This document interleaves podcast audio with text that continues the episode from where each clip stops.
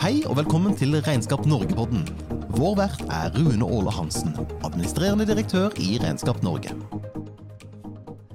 Da sier jeg velkommen til nok en episode av Regnskap Norge-podden. Og nå har vi med oss Sven Østebø fra Aider. Hjertelig velkommen, Sven. Jo, takk.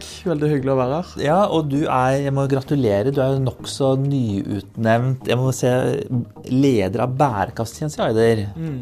Hvordan føles det? Det er veldig moro. Det er selvfølgelig alltid gøy med, med en tillitserklæring sånn. Og så jeg tror jeg det blir bra for, eh, for teamet òg å ha eh, litt kort vei til beslutninger. Så det, det blir veldig bra. Du er rett og slett sjef bærekraftig eider. Det er litt kult, er det ikke det? Det er moro, og så er det veldig greit at det ikke er eh, min avdeling, men at vi er et team på, på den siden. Ja. Det, det er viktig. Vi skal snakke mye om bærekraft, men først må vi starte litt et litt annet sted. Og det er din vei inn i regnskapsyrket og litt inn i bransjen. Og litt bakgrunn også for at jeg spør, er eh, at vi i Regnskap Norge har jo en ambisjon, en strategi nå, hvor vi setter søkelys på både omdømme og stolthet i bransjen, men ikke minst rekruttering til bransjen. Og da er det alltid hyggelig når man får eh, unge, framadstormende eh, personer inn her, og høre hvorfor valgte du yrket? Hvorfor begynte du å studere regnskap? liksom? Ja, der, eh, jeg må nok kanskje begynne med å skuffe deg rett og slett, og si at jeg valgte faktisk selskap først, og så bransje. Jaha. Eh, Jeg møtte, møtte Eider på skolen på Oslo OsloMet. De hadde en uh, Spør en HR-sjef-samling, hvor uh, man fikk stille spørsmål nettopp til daværende HR-sjef. Um, og der fikk jeg et meget godt inntrykk av selskapet. Syns de var veldig verdibevisste, veldig fremadstormende, hadde en veldig tydelig tanke om hva de ville gjøre. Eh, Så da søkte jeg på en studentstilling der deltid. Endte opp med å få den. Eh, Og så har ting rulla litt siden det. Men eh, jeg, likevel, du begynte å studere på Oslo OsloMet. Eh, var du bevisst på altså Hva studerte du da, og hva var liksom tankene dine den gang? Absolutt. Så jeg, eh, jeg hadde egentlig, når jeg var mindre, tenkte jeg at jeg skulle studere datateknologi. Ja. Det var det jeg hadde sett for meg lenge. Og så I løpet av forsvarsåret mitt så fant jeg ut at det å jobbe med folk, det var noe som var viktig for meg. Eh, Så da endte det opp med en økonomi- og administrasjonsretning på Oslo OsloMet. Og har jo siden eh, fått lov til å jobbe med veldig mange selskap og veldig mange folk, så det eh, er jeg glad for at jeg tok avgjørelsen på. Men, men eh, jeg tenker jo, vi snakker jo, vi snakker jo hvor allsidig regnskapsbransjen er. Mm. og nå har jo du vært i bransjen en stund. Og ut ifra det du sier da, noterer jeg meg, ikke sant. eh, Folk, data, IT, økonomi, administrasjon. Er bransjen, er faget, er yrket så allsidig? Ja. eh, Det var et ledende spørsmål, men jeg syns jeg må ta det likevel. Absolutt. Og det, det er jo litt morsomt, så jeg hadde, jeg hadde ikke et så sterkt forhold til bransjen eller til yrket eh, før jeg begynte å jobbe med det. Eh, rett og slett. Hadde en onkel som var regnskapsfører, men hadde egentlig aldri prata noe særlig med han om jobb. Og det var òg en, en litt annen type regnskapsførsel enn det vi ser i bransjen i dag.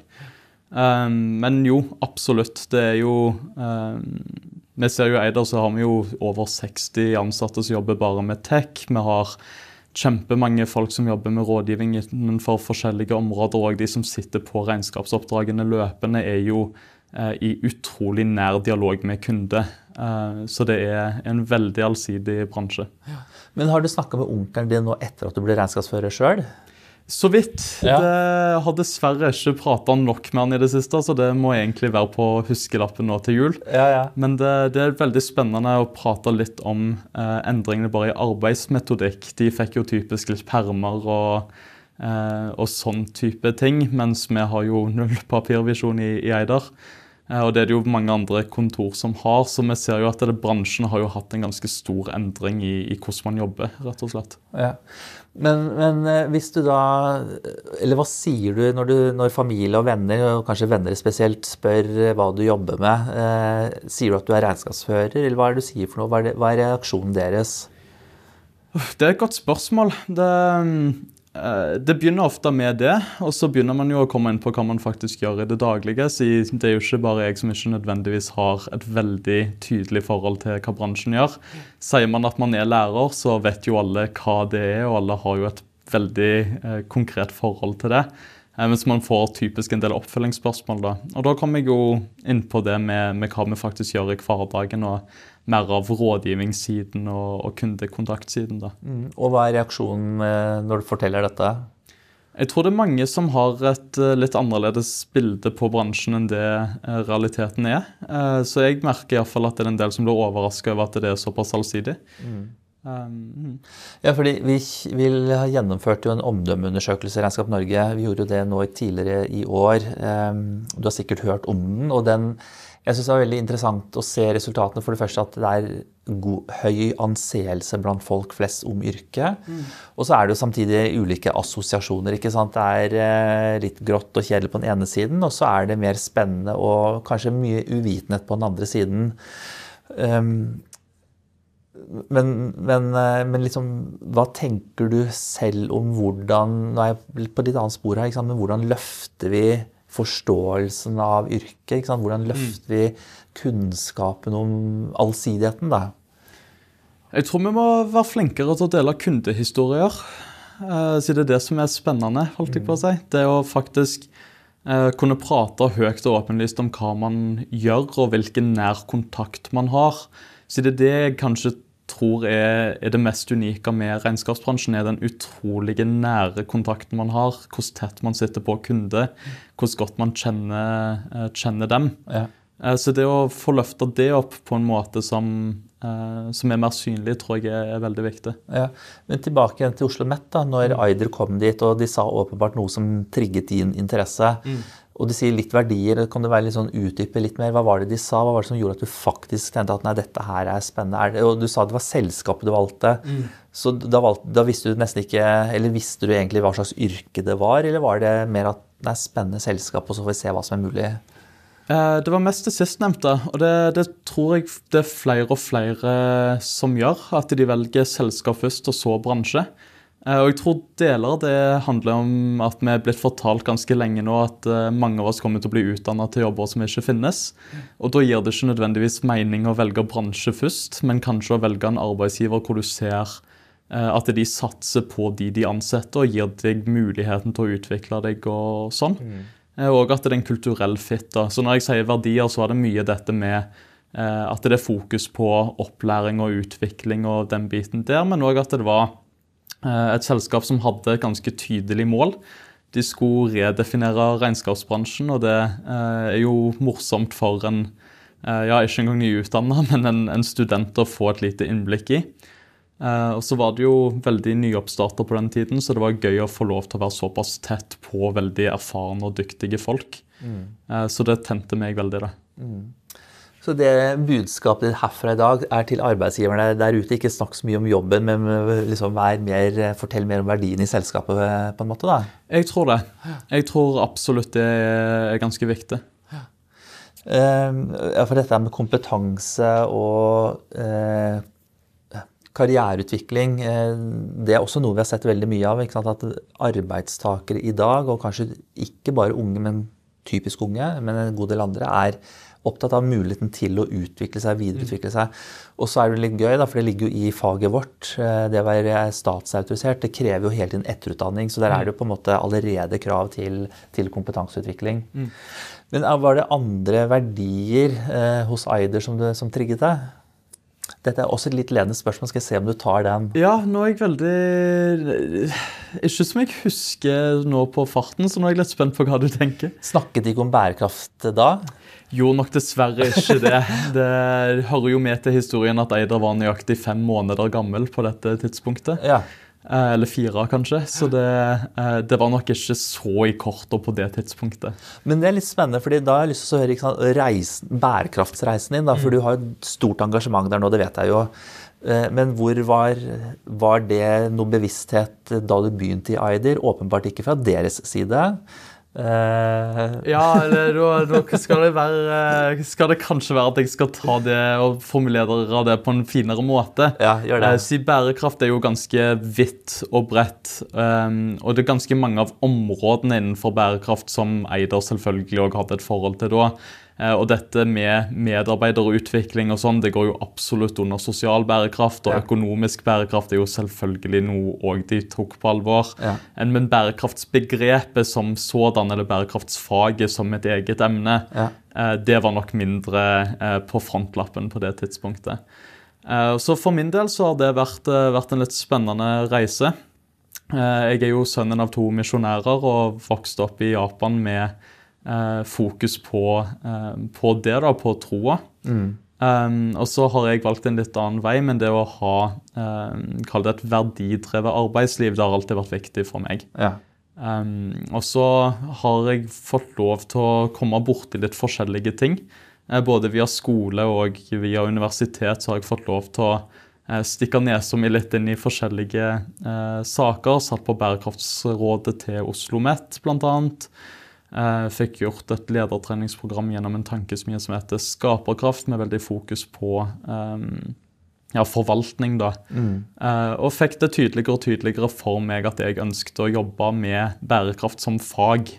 Eh, så da spurte jeg rett og slett Eider om dette var eh, noe de var interessert i at jeg var med å starte opp litt tidligere enn det de hadde tenkt.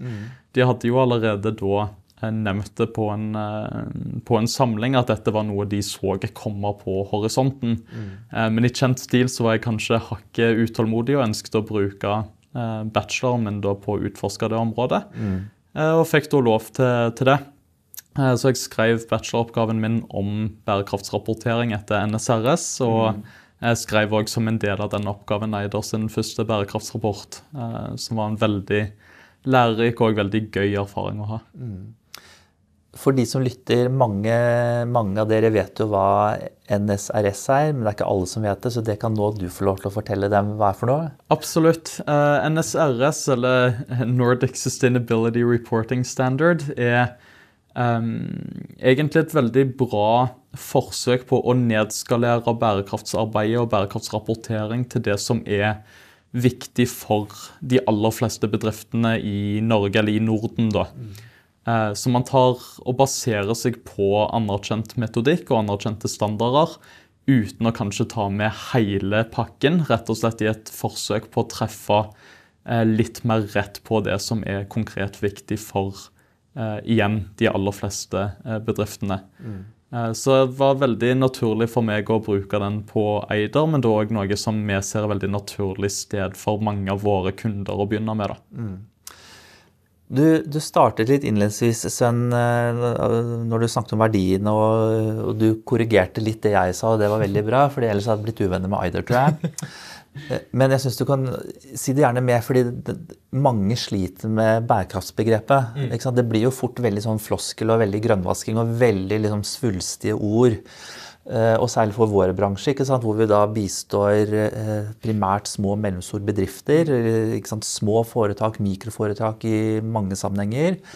Så kan det virke overveldende om man skal lage en bærekraftrapport. og liksom bare, ja, men Jeg har ikke noe CO2-utslipp, vil jo mange tenke. med kontorbedrifter. Kan ikke du liksom litt mer overordnet generelt hva er det bærekraft er for noe? Den bredden, ikke sant? sånn at eh, lytterne og vi andre skjønner liksom hva er det det er for noe? Svært gjerne. Eh, Så vi liker å prate om bærekraft som å eh, skape varig verdi.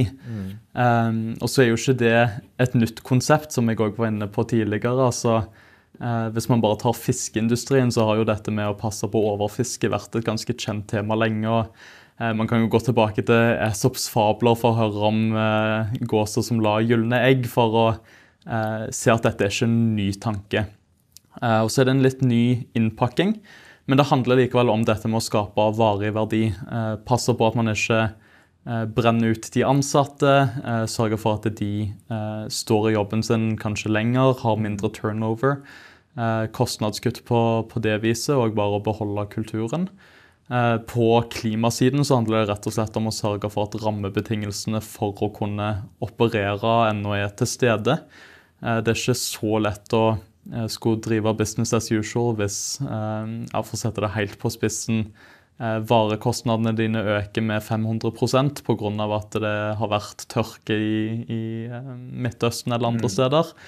Um, ja, det, det er så mangt. Men det, det handler i all hovedsak om å, om å skape varig verdi. Eh, Men og, og For å dra det mer konkret, og du snakker om eksempelvis arbeidskraft. Det handler om eh, likelønn, sykefravær, eh, et arbeidsliv hvor du etterutdanner deg for å henge med. Mm. Eh, og dette kan man trekke ned på en god del andre områder også.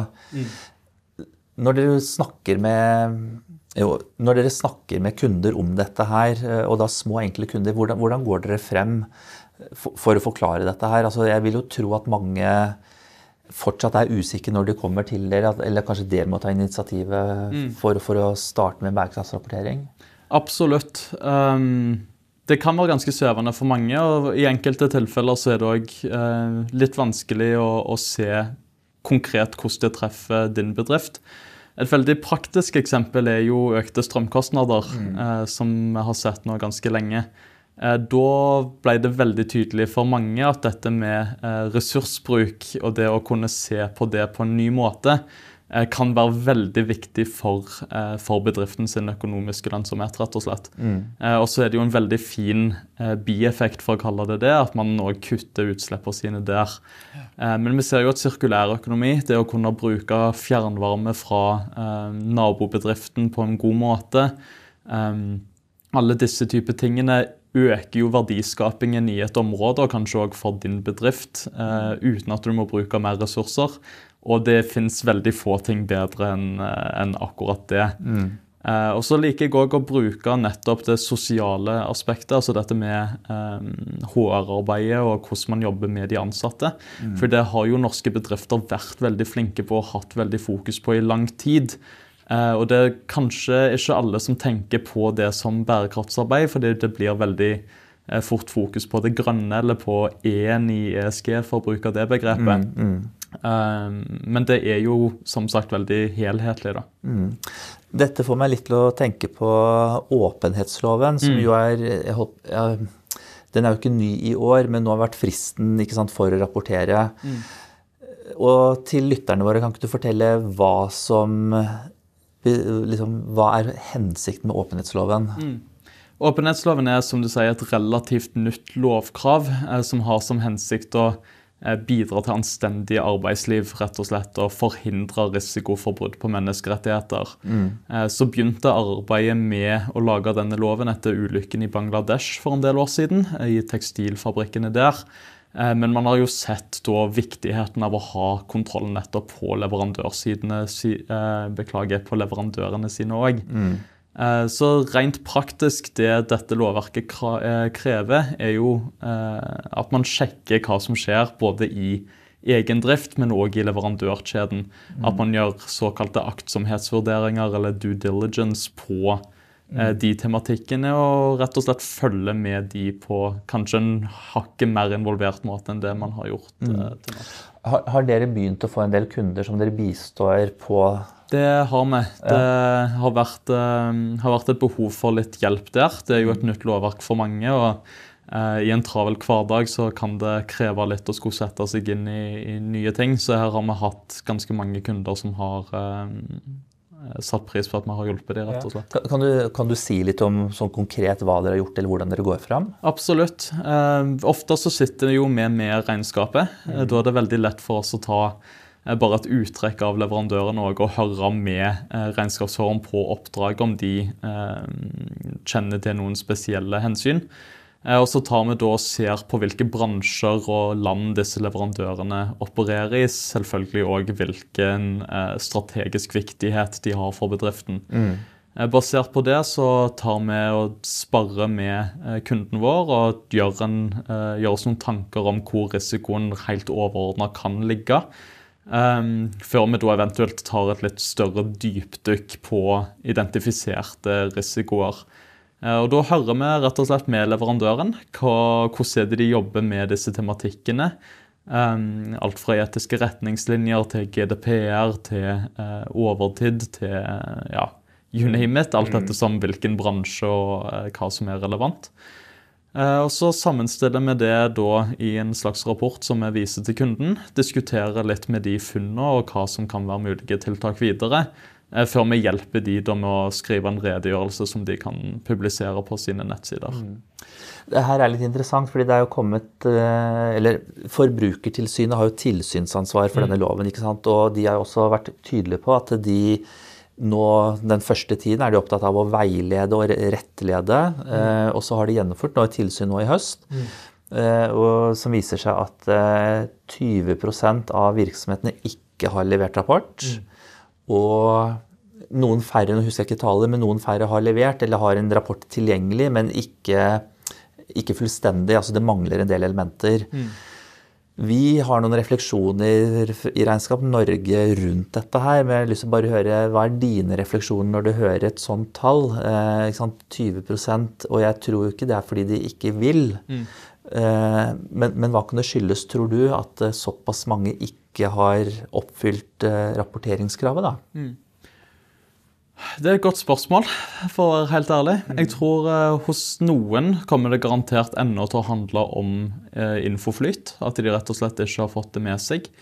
Og så er det da litt vanskelig å sette, sette fingeren på hvor det har stoppa opp. Si Forbrukertilsynet opplever jeg har vært veldig gode egentlig på kommunikasjon. men likevel så ser vi jo at det, det er mange bedriftseiere som i en travel hverdag ikke Eh, får med seg nye lovendringer og sånn. Mm. Eh, og så tror jeg òg at fristen kom veldig fort på mange. At man tenkte at dette kanskje var eh, arbeid som kunne gjøres litt kjapt over et skrivebord. Og, og, så var det plutselig litt mer omfattende enn det. Og så er kanskje prosessene i gang, men ikke langt nok til at man har rukket å publisere noe. Mm. Det er litt mine mistanker. Mm. Men det kan være selvfølgelig en bråte andre, andre ting. Jeg tror ingen av oss sitter med fasiten på det, men det er derfor det er interessant å høre liksom, hva vi tenker kan være utfordringen. fordi det er klart eh, Et eller annet sted så er det en bøyg, og det er tilsyn også like opptatt av som, mm. som vi er. Vi, fra vår side så har vi vært opptatt av, eller pekt på at det er en utfordring ved at det ikke fins noen mal eller noe standard rapporteringsverktøy, fordi det tror vi hadde gjort det lettere for særlig små. Mm. Eh, når alt er helt nytt, så er det noe med liksom, hva er det jeg faktisk skal sjekke, hvordan er det jeg faktisk skal levere. Mm. Samtidig så har vi også hatt eh, Vi hadde et møte tidligere i høst i Regnskap Norge med Forbrukertilsynet, veldig ålreit møte, hvor vi diskuterte dette her, og hvor de presiserer at det viktigste er ikke rapporten at den blir levert, men det løpende et, mm. altså løpende etterlevelse av arbeidet. Løpende passe på at uh, du, eller altså virksomheten eller uh, underleverandører ikke bryter menneskerettighetene, har sosiale ordninger osv. Så, videre, og så, så, så sånn sett så er det løpende arbeidet viktig.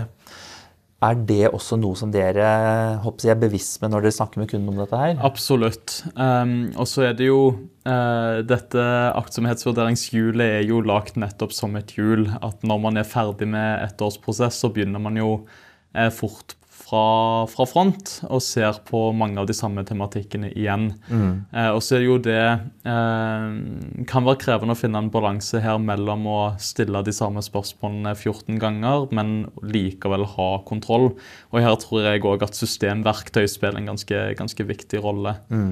Eh, men det er absolutt noe som er viktig. Og så er det likevel et poeng for oss òg å finne en balanse på hvor involverte vi skal være det er jo veldig viktig at sånn type arbeid òg um, At man bygger kompetanse og en forståelse på det i egen bedrift. Mm. Uh, så vi passer oss litt i eider òg for å ta over hele arbeidet. Mm. Uh, det tenker vi ikke er verken nyttig eller i tråd med, med ønsket fra lovverket. da. Mm. Men selvfølgelig så er jo vi der som enten en prosjektleder eller en sparringspartner på ja, hele prosessen. da.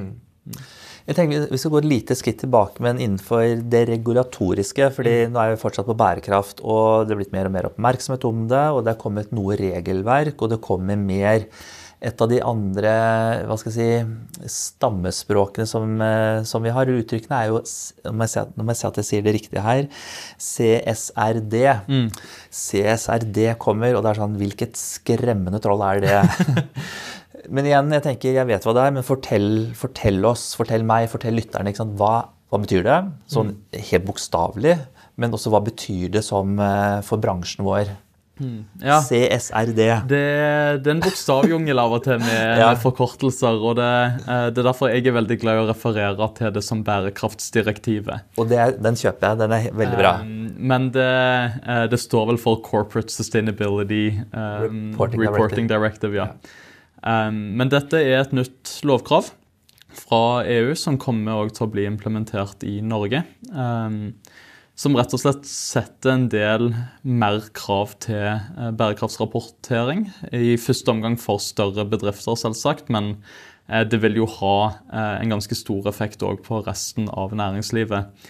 Eh, Det som er veldig spennende her, er jo at man har hatt ganske mange forskjellige ulike standarder og litt ulike tanker om hva som skal rapporteres, eh, hvordan skal det rapporteres, hvordan skal man finne ut hva som er viktig. Som har gjort det litt vanskelig å sammenligne epler og epler, rett og slett. Eh, Så hensikten bak lovverket er jo nettopp å bidra til det. At det er større transparens, at det er bedre informasjon der ute for beslutningstakere. Kanskje i første linje investorer, men òg andre interessenter som potensielle ansatte, kunder eh, osv. Eh, For å kunne ta eh, gode valg da når det kommer til enten kjøp av tjenester eller, eller andre ting. Mm. Og så er det et litt spennende direktiv. Eh, som nevnt, det krever jo òg en del av de som ikke blir truffet direkte. Eh, og så er det jo alltid spennende med ting som er nye, og litt å finne ut av ting er jo eh, alltid en, en, en greie i seg sjøl, for, for å si det sånn. Eh, men jeg, jeg er veldig optimistisk på det. Jeg tror det er et bra steg i, i rett retning for å få standardisert info gjort bærekraftsinformasjon mer nyttig, rett og slett. Eh, Men du, du sa jo, og det er jo riktig, at eh, vi har et regelverk i dag, og dette også i første omgang retter seg mot de store virksomhetene. Så, så de må jo i dag levere bærekraftsrapporter, mens eh, de som er kunder for de fleste regnskapsførere, er jo små og mellomstore bedrifter. Som ikke direkte er i gåseøyne rammet av direktivet, eller det lovkravet. Hva sier dere til dem når de kommer, eventuelt når dere snakker om dette her?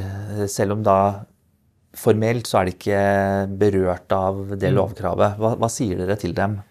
Nei, det, det er jo flere ting. Vi liker jo å peke på tre hoved på en måte, eh, grunner til å ta tak i bærekraft utenom rapportering. Da. Og det handler i stor grad om rekruttering, finansiering og salg. Eh, og i alle de tre områdene så ser vi jo veldig tydelig data på, på at det er nyttig med bærekraftstiltak. På finansieringssiden så blir jo nå bankene truffet av lovverk selv, eh, og de dytter jo det kravet ganske fort videre til sine kunder.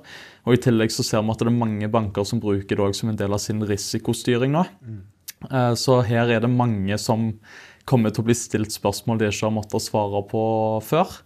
Eh, På rekruttering så ser vi nå den årlige undersøkelse som ble gjort av Academic Work, som viser at rundt 35 nå eh, syns det er svært viktig eller viktig med eh, hvordan arbeidsgiver eller potensielle arbeidsgiver jobber med bærekraft. Og i et marked hvor det kan være hard kamp om gode hoder, så er det eh, veldig fint å ha den eh, 35 %-edgen. Eh, og så er det inn mot salg, og det er jo det som er mest relevant når vi snakker om bærekraftsdirektivet. Eh, Så her er det jo, som du nevner, i første linje de store bedriftene som blir truffet, men de har òg en rapporteringsplikt på sin verdikjede. Så hvis man er leverandør inn til en stor bedrift, så kommer man til å bli spurt om en del av disse tingene selv òg i en salgsprosess. Eh, Og Da liker jeg å si at det er mye hyggeligere å enten stille seg de spørsmålene selv først, eller bli spurt de spørsmålene av en regnskapsfører før man blir spurt av en kunde. Mm. Så tidsfristen er ofte kortere når det kommer fra kunde, eh, og implikasjonene er ofte eh, mer alvorlige. da. Og det er jo i og for seg det budskapet vi også prøver å formidle. At eh, det er de tre elementene, som du sier. Og det er markedet på mange måter som kommer til å presse fram dette her, kanskje før egentlig Kanskje ikke blir behov for lovkrav mot de minste egentlig. Men jeg lurer på, merker du, eller merker dere at eh, kundene deres, da, de små foretakene, eh, begynner de også å kjenne på dette her, eller er det fortsatt litt eh, Vi hører hva du sier, men vi, vi, vi opplever det ikke. Hvordan er det? Det, er veldig todelt. Vi har jo, eh, vi har jo 8000 kunder nå på regnskapsfronten i Eider. Og da eh, vil man ha ganske varierende modenhet på bærekraftsarbeidet. Mm.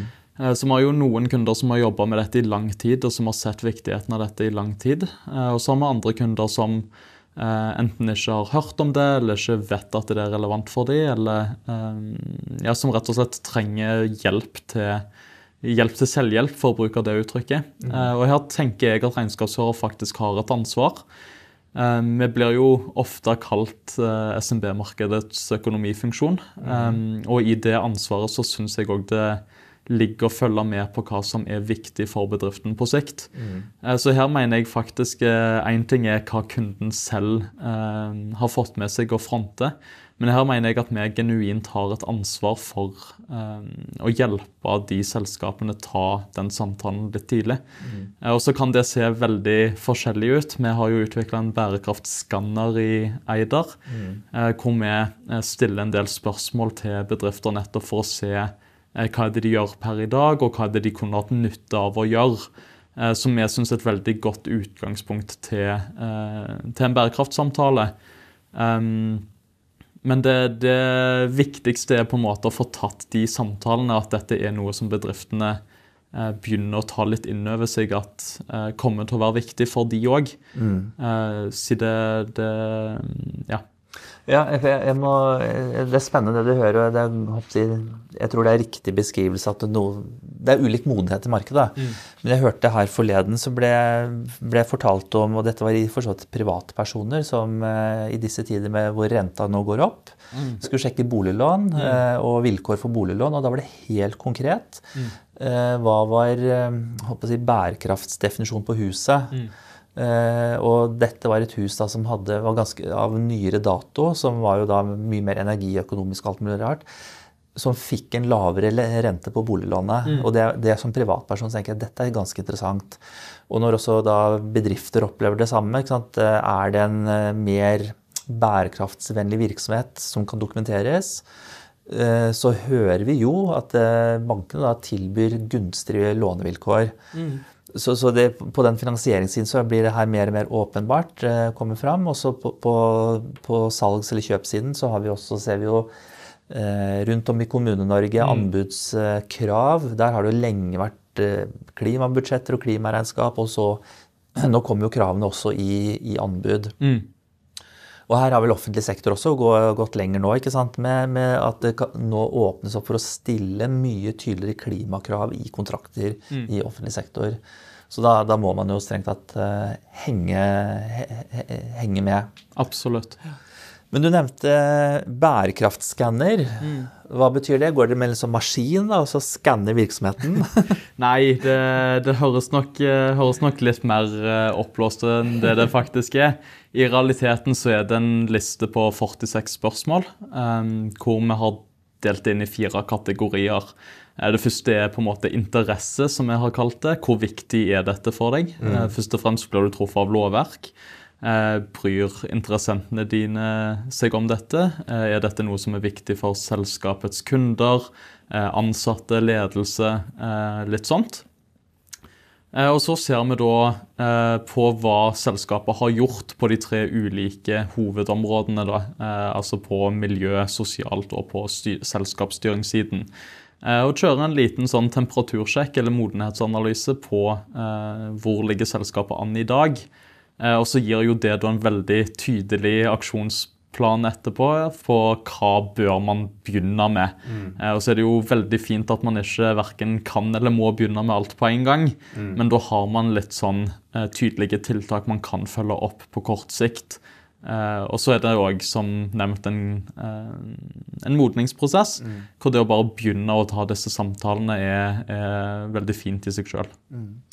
Jeg bare lurer på, Har dere innført i oppdragsavtalene som dere inngår, at det skal være et fast punkt som heter bærekraftssamtale eller bærekraftsrapportering? Sånn at det, det blir automatisk, et automatisk element dere går gjennom sammen med alle kundene deres? Mm. Eller er det mer jeg håper ad hoc Eh, når dere jobber med, med bærekraft? Enn så lenge er det mer ad hoc, eh, men det er en veldig spennende tanke som er, eh, er noe som diskuteres. Eh, og så prøver vi jo å finne alltid ut av generelt sett i Eider hvordan man best gjør ting. Mm. Vi er jo veldig glad i lokal autonomi, og at lokale kontorene vet jo best hva som er viktigst for sine kunder. Mm. Og Samtidig så ser vi jo òg at det kan være veldig greit å ha gode rutiner på nettopp sånne type ting. Mm. Eh, så det er noe som vi holder på å vurdere ennå litt hvordan vi praktisk skal gjøre. Men, men hvis, eh, sant? vi har jo god regnskapsføringsskift. Mm. eh, Vi har jo noen rutiner, vi har liksom elementer man skal gjennom. Hva tenker du om eh, Bør vi der innarbeide dette som, et, som en del av GRFS-en? Mm. Jeg syns det er en veldig spennende tanke, og det handler litt om eh, et punkt som vi ikke kom innom når vi prater om bærekraftsdirektivet, men dette med finansiell eh, vesentlighet. Man har jo i bærekraftskontekst nå eh, prata veldig lenge om hvordan er det bedriften påvirker omverdenen. Eh, og så er det dessverre altfor få som har pratet om hvordan omverdenen påvirker eh, bedrifter. Vi har jo nevnt litt om det nå med tanke på rekruttering og med tanke på finansiering og salg. Eh, Men det å ha en strukturert eh, tilnærming til å se på ok, hvilke muligheter og risikoer ligger faktisk i eh, ja, i de endrede rammevilkårene som finnes for min bedrift.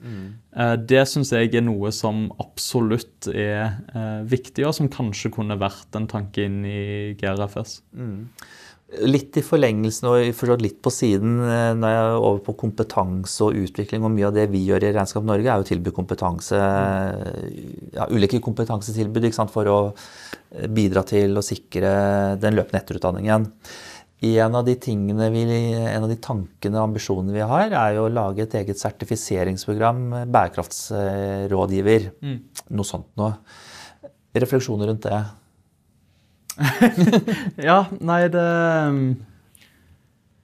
jeg tror, jeg tror kompetanseheving her er, er et nøkkelord. Um, det er et nytt område for de aller fleste. Uh, og så er det òg et område som endrer seg ennå. Uh, så det, det å holde seg løpende oppdatert her, det er vanskelig hvis man ikke har gode prosesser. Uh, så spesielt i selskap hvor man kanskje ikke har like um, stor kapasitet eller like stort apparat til å håndtere disse tingene, så tror jeg at det vil være veldig, veldig nyttig. Ja, for det, det handler jo litt om fra vår side ikke sant, å kunne tilby noe som eh, Altså en kompetanseheving som den som eventuelt kjører, går et sånt program, eh, på linje med lønn- og HR-programmet vårt eller andre typer programmer også med litt større autoritet kan stå fram og si at det, det, det er en kompetanse jeg har som er eh, jeg, gjennomtenkt, gjennombearbeidet. Det er ikke bare sånn som kommer flytende på ei fjøl, for å si det sånn. Eh, Fordi du har jo nå jobbet mye sjøl med, men det har vært sånn sett mye egenutvikling, eh, rett og slett, da, eh, i det arbeidet som du har gjort for egen del og i Aider. Altså det, det spørsmålet, ikke Hvor er det du har hentet din kompetanse fra? Ja, så dette med eh, Nå har jo jeg gjort to sertifiseringer. Den ene er i henhold til GRI, som er en litt mer eh, omfattende standard som for så vidt òg den tidligere nevnte NSRS-en bygger mye på. Eh, og så har jeg tatt en sertifisering innenfor bærekraftige investeringer. Eh, og det handler litt om at det er viktig for meg å se eh, hvordan tenker man på andre siden av bordet. Eh, hvilke, eh, hvilke faktorer syns man faktisk er viktig der. Eh, Men det, jeg er helt enig. Det er vanskelig å finne ut av hvor er det man skal begynne, og eh, hvilke kurs er det som er bra, å hva kan man egentlig lene seg på som fundament. Mm. Så her, det tror jeg egentlig kunne vært et ganske bra tilbud. Jeg må bare spørre litt sånn generelt, og det er nesten kanskje litt dårlig gjort overfor det, eller nå har du muligheten i motsetning til andre, fordi nå sitter jeg og tenker, fortsatt opplever jeg nok at det er, eh, sant, man snakker mye grønnvasking, det er, eh, og det, det selges masse tjenester nå, masse rådgivningstjenester, og vi hjelper dem med bærekraft til høyre og til venstre. Eh, Det er nesten litt dårlig gjort å spørre, men, men, men hva tenker du om alle disse tilbudene? Er de, er de like gode alle sammen? Er de verdifulle alle sammen, eller er det Ja, det, det er et veldig spennende spørsmål å stille meg. Men jeg kan jo um, Jeg har mest lyst til å prate om hvordan vi jobber. eh, og så kan, eh, kan folk få lov til å ta avgjørelser om uh, Eller egne avgjørelser om andre. Ja. Uh, en av Eider sine verdier er forenkling. Eh, det er noe vi jobber veldig mye med eh, i alle tjenesteområder. Både om det er på tech-integrasjoner, om det er på regnskapsførsel, men òg selvfølgelig på bærekraft. Det er veldig viktig for oss at det arbeidet vi gjør, er konkret, mm. at det er nyttig, um, og at det er uh, noe man sitter igjen med noe holdbart og, håndfast i etterkant. Um, og det gjenspeiler hele tjenestebredden vår òg på bærekraftsteamet. Uh, og så håper jeg og tror at veldig mange aktører tenker likt. Mm. Um, men det uh, Ja. Igjen, det kan, det kan, andre ta stilling til sjøl. Jeg syns det er en veldig klok måte å svare på. jeg. Men jeg har lyst til å gå litt tilbake til helt tilbake til der vi var i starten. ikke sant? Eh, kan ikke du si litt om hverdagen til en regnskapsfører? Altså litt, si litt om hverdagen til en regnskapsfører, men også kan hvem som helst bli regnskapsfører. Mm. Eh, litt med tanke på bredden i, eh, i, i arbeidsoppgaver. Trenger det være tallknusere? Ja. Hvordan er hverdagen? Vi starter der. Nei, det... Um jeg eh, har egentlig litt mer lyst til å begynne med det sistnevnte. Så jeg, eh, jeg, eh, mener ja at absolutt alle kan bli regnskapsfører. Um, Nå trodde jeg du skulle si at alle måtte være tallknusere. Å oh, ja, nei, nei, nei. Um, det, handler, det, handler, litt om det vi har snakket om tidligere. Mm. Bransjen um, gjør mye forskjellig, og det er mange ulike oppgaver og sektorer og kunder å jobbe med. man har muligheten både til å være en generalist og hjelpe mange ulike kunder, eller man kan spesialisere seg innenfor et fagfelt, f.eks. eiendom eller finans. Eh, eller bærekraft, for den saks skyld. Um, og samtidig så har man um, ja, denne nære kontakten som jeg er så glad i å prate om. så det, mm. det, er det jeg ser på som kanskje det mest spennende eller det mest spesielle med regnskapsbransjen. Kundekontakten. Kundekontakten, Og hvor, hvor nært og tett man faktisk sitter på. Mm. Men, og Hvordan er hverdagen, da, hvis du skal utbrodere den litt? Det kommer, kommer, selvfølgelig an på nettopp som vi snakker om. altså det, um, Når det er mange forskjellige ting man kan gjøre, så ser òg en hverdag veldig forskjellig ut. Mm. Uh, når jeg jobba uh, kun med regnskap, så begynte jeg ofte med en del bokføring. Uh, og så var det um, ja, alt dette som sesongen, om det var rapportering eller om det var mer sånne type ting. Eh, og så er vi veldig glad i å sitte fysisk ute hos kunde, så jeg har gjort mye av det. Jeg eh, har sittet én eller to dager fysisk ute hos kunder egentlig mesteparten av tiden jeg jobba eh, som regnskapsfører, mm. og syns det var veldig ålreit. Eh, så da eh, rekker man òg å prate om de tingene som man kanskje ikke syns er viktig nok til å sette opp et eget møte for, mm. men at man tar det litt i forbifarten. og så er det òg gøy å få en litt sånn opplæring på hvordan andre selskaper gjør ting enn eh, en bare sitt eget. Og det er kanskje det um, når Jeg prater jeg prater jo hovedsakelig med uh, folk som er nyutdannede mm. uh, om bransjen. Og Det som er min salgspitch da, det er jo kanskje det med nettopp dette. At jeg tror det er veldig få bransjer hvor man får en bedre Eh, utdanning eller et bedre innsikt i norsk næringsliv. Mm. Det å få lov til å se både mange forskjellige bransjer, eh, mange forskjellige kunder i størrelse, eh, mange forskjellige kulturer. Hva er det faktisk som er viktig for beslutningstakerne? Hvordan henger tallene sammen? Alt av dette det er så viktig uansett hva man vil seinere. Mm. Um, og den variasjonen som du der beskriver, mm. er den må du ha jobbet i mange år og bli en senior for, for, for, å få den kundekontakten, eller er det pang med en gang du kommer inn? Vi er veldig glad i å satse ungt. Eh, vi ansetter jo eh, ja, Nå husker jeg jo aldri tall, men vi ansatte vel en 60 nyutdannede. Det var jo betryggende at en regnskapsfører ikke husker tall. ja, det er kanskje derfor jeg måtte bytte beite, var det ikke det? Nei, altså det, vi ansetter veldig mange nyutdannede hver høst. Eh, og det er jo nettopp fordi vi har troa på at hvis man har god opplæring, så kan man òg få til mye på kort tid. Mm. Eh, så vi liker å hive nyutdannede litt ut i ting fra start av. Eh, og så selvfølgelig da med god backing av et solid team og veldig kompetente eh, seniorer rundt. Mm. Men at de får lov til å bryne seg litt på kundekontakt tidlig. Og det tror jeg er ganske unikt òg for, for, bransjen. Mm. Det du beskriver, det er jo mye av det samme som vi hører fra andre, for, kanskje særlig de store foretakene, i og for seg litt mindre også, fordi kommer du først inn, så må man jo bruke alle ressurser hele tiden. Eh, men den, jeg syns det er veldig fint å høre det er den salgspitchen du har ut også, for det er også noe med Vi jobber jo med hvordan vi skal kommunisere ut til morgendagens eh, regnskapsmedarbeidere. da eh, statsautoriserte regnskapsførere for å få dem inn i bransjen. Og det å fortelle at eh, det er en eh, variert bransje med mye ulike elementer. En bransje hvor du treffer næringslivet, du, du tar det på pulsen hele tida. Mm. Sitter og er med i beslutninger eller rådgir. Det er, det er ganske imponerende egentlig. da, mm. Å få lov til det nesten fra start av. Så, så det, det, er noe av det vi, vi setter søkelys på. Men, men hva tenker du er kunne, Det er to ord jeg kan bruke. men skal, Det ene er hva er det mest kjedelige? Mm. Men jeg kan vri på å si hva er den største utfordringen? Mm. Ja, det, det, er egentlig to forskjellige spørsmål i mitt hode. Den største utfordringen, iallfall når man kommer som ny, det er jo når man ikke har svaret på ting man blir spurt om. Mm. Um, og da er man helt avhengig på å ha folk rundt som er tett på, som man kan spørre, og det har vi heldigvis hos oss. Uh, og så er det mest kjedelige, det syns jo jeg alltid er manuelle prosesser. Um, og det gjelder òg ennå i, i uh, bærekraftsarbeidet, så er vi veldig glad i å ha uh, mest mulig strukturerte og, og, automatiske prosesser der mulig. Mm. Um, så det å sitte uh, enten og punche bilag for hånd eller Eh, de type tingene, det um, kan være greit innimellom, men hvis det hadde vært hele arbeidsuka, så tror jeg ikke det hadde vært mange som hadde blitt værende. Ja. det, jeg satt og tenkte, nå skal jeg høre, fordi vi må snakke litt om framtida til bransjen også. Mm. Hva tror du om framtida til bransjen? En av de tingene man i årevis, eller i en periode, da, har vært litt redd for, er teknologi. Mm. Digitalisering.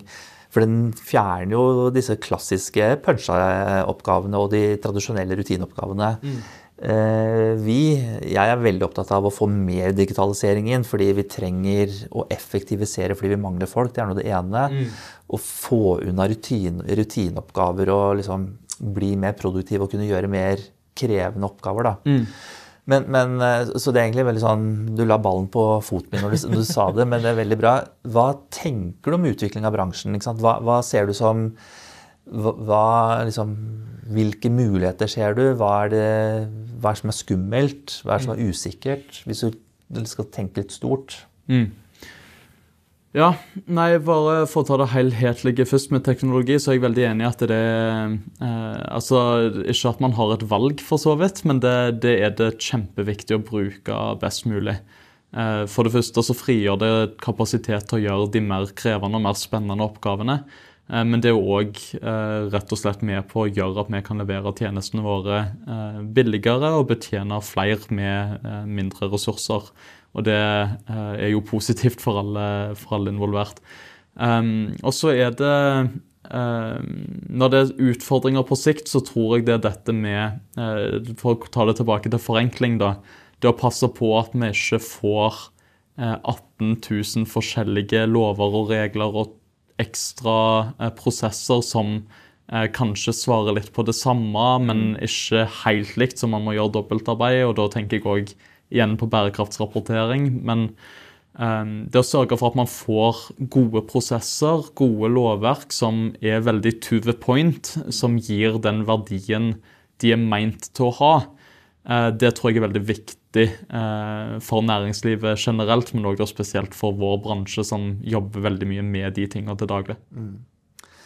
Det betyr at det her er et sånn evighetsarbeid. fordi her holder Stortinget på med sitt, og vi andre vi må bare følge med. Nei, men Det er litt spøkfullt sagt, men det er klart eh, det er mye god intensjon i mye regelverk. ikke mm. sant? Og Man snakker ofte om at vi vil ha et eh, friest mulig marked. Mm. Og et friest mulig marked er jo gjerne et, mest, et, et velregulert marked, for da blir det mm. likest mulig konkurransevilkår. Mm. Så, så, så, det er nå det.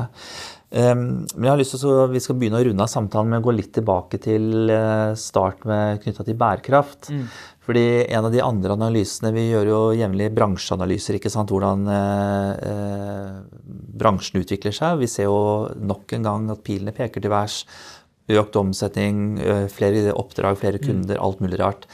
Men når vi analyserer ned, så ser vi det at eh, det er fortsatt svært liten etterspørsel etter bærekraftsrådgivning, rapportering Altså alt som har med bærekraft å gjøre, det er minimal etterspørsel. Mm.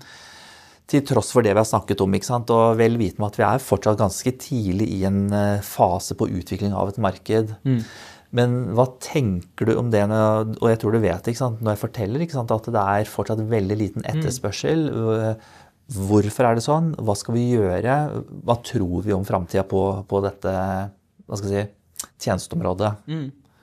Nei, altså det, um, det overrasker meg ikke. Uh, og det, det, handler litt om, som vi har snakket om, altså for det første så er det, um, det er noe nytt, og det tar tid før uh, folk skjønner Uh, nøyaktig hvordan det treffer. Jeg tror det er ganske mange som vet at det kommer til å treffe mm. dem, men ikke nødvendigvis hvordan.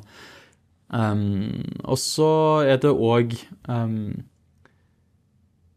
uh, Jeg tenker jo at det her er det igjen regnskapsførers rolle å ta den samtalen. Hvis kunde ikke er klar over dette, mm. så OK, ta en telefon.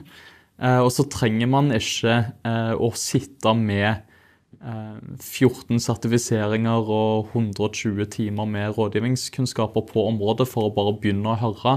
Mm. Er dette noe som du merker kunder etterspør, ansatte etterspør? Har dere gjort noe? Det, man kan begynne der. Mm. Eh, og så finnes det mange gode ressurser ute, f.eks. NSRS. Eller så går det an å eh, De større regnskapskontorene vil jo ha kompetanse på dette. Eh, og vil ha mulighet til å hjelpe å komme i gang. Mm. Og så trenger man igjen ikke å begynne med alt, men kan begynne med noe. Eh, men det å starte de samtalene, det tror jeg faktisk er regnskapsførers oppdrag, og ikke kundens eh, ansvar. Mm. Eh, rett og slett fordi det er vi som nå ser i praksis hvordan dette kommer til å treffe. Mm. Det er litt, litt hvordan jeg tenker, mm. tenker, om det. Jeg er litt enig. Det handler av og til tenker jeg, om å bare tørre å stille spørsmålet. og mm. eh, vil du ta en prat? Mm. Det verste som kan skje, er at du får et nei. Mm. Og ofte så vil du kanskje få en ja, fordi man er nysgjerrig. ikke sant? Mm. Så, så jeg, jeg, tenker her må vi vi må jo bare ta ansvaret. Og så tror jeg, Her tror jeg eh, regnskapsbransjen har eh, en litt sånn bieffekt av noe vi er veldig gode på. Og det er at vi er veldig gode på å eh, kunne det vi gir råd om. Mm. Eh, vi er veldig varsomme for å si noe feil og veldig varsomme for å eh, ikke kunne levere opp til kvalitetsstandarden vi setter til oss sjøl. Det syns jeg er kjempebra og veldig viktig i en bærekraftskontekst. Mm. Eh, men det kan være at pga. den bakgrunnen at vi syns det er litt vanskelig å starte samtaler på bærekraft, siden det er et område som man ikke har nøyaktig den samme kontrollen på, mm. og hvor rammevilkårene ennå endrer seg mye. Så eh, jeg tror det òg kan være en av grunnene til at mange tenker eh, at dette er ikke mitt bord. Litt forsiktig, rett og slett? Litt forsiktig. Ja. Eh, og i utgangspunktet en bra kvalitet. Mm. Eh, men som sagt, det trenger ikke å være så høytsvevende, det trenger ikke å være så altomdekkende. Det kan være så simpelt som er dette noe kundene dine etterspør, eller er dette noe du har tenkt på? Og så begynner man samtalen sammen. Mm. Mm. Eh, vi skal runde av med det jeg pleier å spørre mange. Hva kan Regnskap Norge gjøre bedre? Jeg tror eh, Regnskap Norge gjør mye bra. Eh, og så tror jeg det er eh, to ting vi har snakka mye om i dag. Det ene er jo rekruttering mm. eh, og imaget knytta til det. Jeg tror ennå ganske mange er eh, uvitende om hvor mye som faktisk skjer i bransjen, og hvordan bransjen jobber per i dag. Og når det kommer til mitt hjertebarn, eller bærekraftsarbeidet, så tror jeg òg at Regnskap Norge har en rolle når det kommer til markedsarbeidet, eller markedsføringen av regnskapsfører som naturlig kontaktperson. Um, igjen, med kaller oss selv økonomifunksjonen til SMB-markedet, da er det veldig naturlig at vi òg er bærekraftsfunksjonen til SMB-markedet. Vi ser i større selskap så har jo bærekraftsområdet havna fra eh, kommunikasjon til mm. marked til å nå være på CFO sitt bord. Mm. Eh, og hvis vi da for alvor mener at vi er økonomifunksjonen til eh, SMB-markedet, så eh, må vi òg kunne hjelpe med dette. Selv om det er litt langt å si, så kanskje jeg skal si vi er hele Norges økonomi- og bærekraftssjef? Ja, det, det, tror jeg der vi Jeg tror det er der vi er på vei. Mm. Eh, og er jo Tidsspørsmålet er jo alltid skummelt å skulle melde noe om. Men når vi ser nå hvordan eh, det bl.a. blir revisjonsplikt på bærekraftsrapportering for større selskaper, eh, at man òg skal tenke på finansielle implikasjoner av bærekraftstematikker, og at dette blir mer og mer integrert, og bare de praktiske tingene som at ERP og regnskapssystemene vi uh, bruker i det daglige, og holder på å lage moduler knytta til klimaregnskap, uh, likestillingsovervåkning og lignende, mm. uh, så er dette noe som kommer til å være en ganske stor del av kjernevirksomheten til regnskapsfører. Mm. og det er viktig å rigge seg allerede nå for å kunne gjøre det arbeidet på en god måte. Mm. Er vi på rett vei, eller? Jeg tror det. Jeg er optimistisk. Jeg møter, møter, veldig mange dyktige folk i bransjen. Eh, og det eh, gjør meg jo selvfølgelig glad. Eh, og så er jo jeg en veldig utålmodig person, så jeg alltid, skulle alltid likt å sette ting ett et skritt kjappere enn det det faktisk gjør. Men jeg tror retningen er, er bra. Ja. Tusen takk for at du kom i studio, Sven. Og til dere der ute, dere bare ta kontakt med Sven eller andre som driver med bærekraftsarbeid. Og vi tar det skritt for skritt, rett og slett. Ta det skritt for skritt. Supert. Takk skal du ha.